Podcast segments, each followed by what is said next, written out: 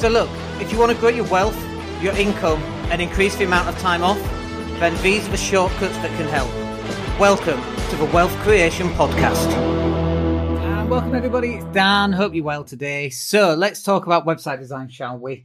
Um, so let me just close this down. Looks like we're live, so that's the important thing. Uh, let's talk about website design. Really, really important. It's like we're just in this period of time, aren't we, at the moment, where life is just really difficult. You know, like, um, like the whole financial stuff that's going on. Everything's gone up. Rent's gone up. Mortgages gone up. Food prices gone up. Fuel's gone up. There's nothing that hasn't increased significantly in price in the last 18 months, let's say. And so we, we kind of find ourselves speaking to a lot of people that are at this stage where it's almost like a do or die situation where they're either struggling to close business because people have uh, battened down the hatches and are no longer looking to spend as much money as they were before, or they're literally going bust because no one's spending any money, right? So it's like, well, what do we do? How can we help these people? And so we go live because we want to try and help these people. So, um, so we're going to cover some of that in today's session. So number one, as always, uh, is like the security level of your website is vitally important because if your website goes down and you're relying on your website, and if you're not relying on your website, that's a different conversation because, like, why would you not be relying on your website? Your website should be the main thing that helps you close more business, gets you in front of more people. But if you're not relying on it, that's a separate matter. But if you are relying on it, then you need to make sure that you're getting it backed up really, really important. I used to work for Dell um, for my sins many, many years ago, 20 years ago, in fact.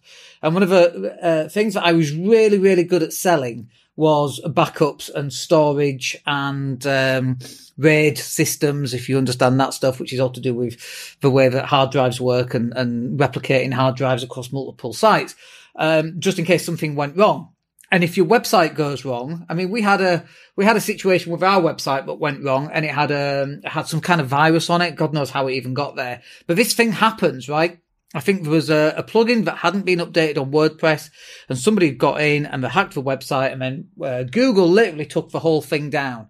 And all we did was we logged in, we rolled it back uh, to the previous week's backup, and then off we went. That was it. it was down for like 20 minutes. Uh, so much easier when you have that lot in place, but it's really easy. If, you know, it's a little bit like insurance, isn't it? You, the only time you need insurance is when you really need insurance, and that's usually when you've not got it.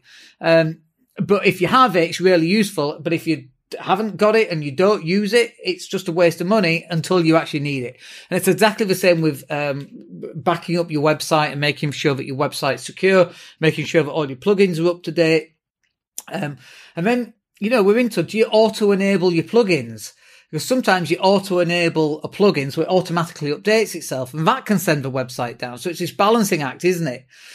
You know, even if you auto update your website and the plugin, uh, for whatever reason, uh, clashes with something else and it brings your website down, all you should do is log in, uh, roll back to a previous day, a couple of days ago when you knew the site worked and install that uh, backup. Solves all problems. And if you've haven't got the capability of doing that, then you know, speak to us. That's something that we can help with. We help with hosting anyway, um, so it's definitely something that we can help with. Let me just have a look here. I'm just sorting this out. There we go. That's better. Um, so the next one then is user experience. What do we mean by user experience? Well, think about this. Like, what's your customer journey? Not your customer journey. What's your user uh, experience going to be like while they're on your website? We looked at a website yesterday. We saw a guy in um, in a particular group, and he just started offering websites. And I thought, you know what? Let's go and take a look. We we enjoy looking at other people um, at other people's websites when they're a web design agency. Good God. It was the most dreadful thing. And then I looked at what the guy did, and he's basically a programmer. Basically, that's what he does. And the user experience was dreadful. The images was dreadful. Uh, it, just the whole thing didn't work, right? It wasn't clear uh, what I should be doing, what I should be clicking on. It was basically written by a programmer who already expects that the user knows what to do, where to go, what to click, and users haven't got a bloody clue, right? They land on your website, they don't know where to go, clicking all sorts of different things. Uh, you'd be amazed at how uh, normal people actually operate websites. They haven't got a clue, right? And in your head, in in your mind, you're like, yeah, I understand how this person works. Uh, and everybody's going to click the same thing at the same time because that's how everybody works. But couldn't be further from the truth. We know that people are clicking all sorts of things, uh, going in all sorts of random places don't even make sense. And so you, you've got to really think about what is your website, um, going to be in terms of this user experience. You know, if you've got 80 year old Ethel, can she use the website along with 13 year old Billy and, and everybody in between, what's that going to look like? And so that bit's really important as well. And then that kind of nicely brings us on to a thoughtful customer journey. And the customer journey is this. Okay. So they see something on Facebook. They click on it. They land on your website. They are now on a customer journey of their own, right? Because we've gone from one place to another place. And so let's just say they go onto a website design um, let's say, should we use our own website as a, as a, a, as an example? So they land on our website. They want a website design company. So is it clear on the menu where that, where to go? Does it say web design? Yes. Okay. But also, because we might miss that, are there other places throughout the copy where they can click for website design? Yes, there are basically. There's several places. In fact, we've made that customer journey very simple for them to get from where they are now, which is on Facebook to where they want to be, which is some sort of kind of website design page so they can make a decision as to whether to buy that or not, or whether to include you in the three or four people they might be speaking to. And so that's really important as well.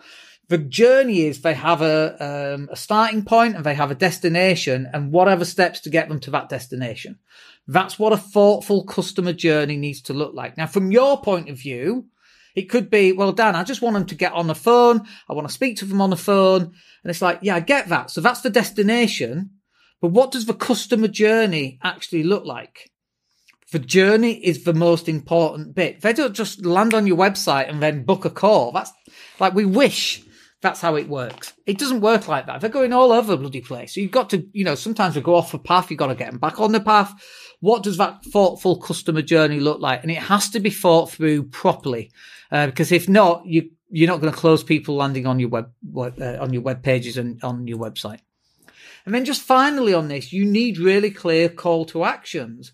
Like, what do you want the person to do next? What's the first thing you want them to do? And, and also bear in mind, what's the first thing that they want to do? Not necessarily what you want to do, because the first thing that you want them to do is book a strategy call, get on the phone so you can close them. Like, that's wonderful. But what's the first thing that they want to do? And once they're there, can you kind of meet halfway? And what's the next thing that they probably want to do? Well, probably after they've landed on the web design page, they probably want to speak to someone. So make that option really easy. So, and have very clear call to actions. And in fact, all your call to actions from every stage of this customer journey should be really clear. So on the Facebook, they watch a video. It's got a call to action. If you want to look at website design, click this link. They go to the page. They um, get all the information that they need. What's the call to action? What does what does that person want to do? Maybe they want to look at case studies and see some of the previous websites that we've had. And on our website, that's both on the web page and on a case studies page. So fairly obvious, fairly clear call to actions. And then when they land on both of those pages, they need those call to actions. I, I want to book a call now. Uh, and actually, I'm just thinking on my um, case studies page, I actually don't think we've got that many call to actions on that page. So even we get it get it wrong sometimes. I'm just having a quick look. We've got lots of uh, lots of case studies, but no call to action. So that's something that we're going to improve as soon as we come off this call. But all of this, when you put all of this together, it's not one thing over here, or it's not one thing over there, and it's not just this tiny little bit that when you fix it, it is all of it. All of these tiny little bits all have to get done uh, in order for you to get this to work properly. Otherwise, the whole thing won't work. And if one little bit isn't in place and in order and right, that can affect the entire website. Anyway, look, I hope that's useful. If you want to go and take a look at our website page, then please do. And other than that, we'll catch up with you on the next one. Have a great day. Take care. Hey, it's Dan here. Thank you for listening. Really appreciate each and every one of you. Please click like or subscribe to the entire podcast.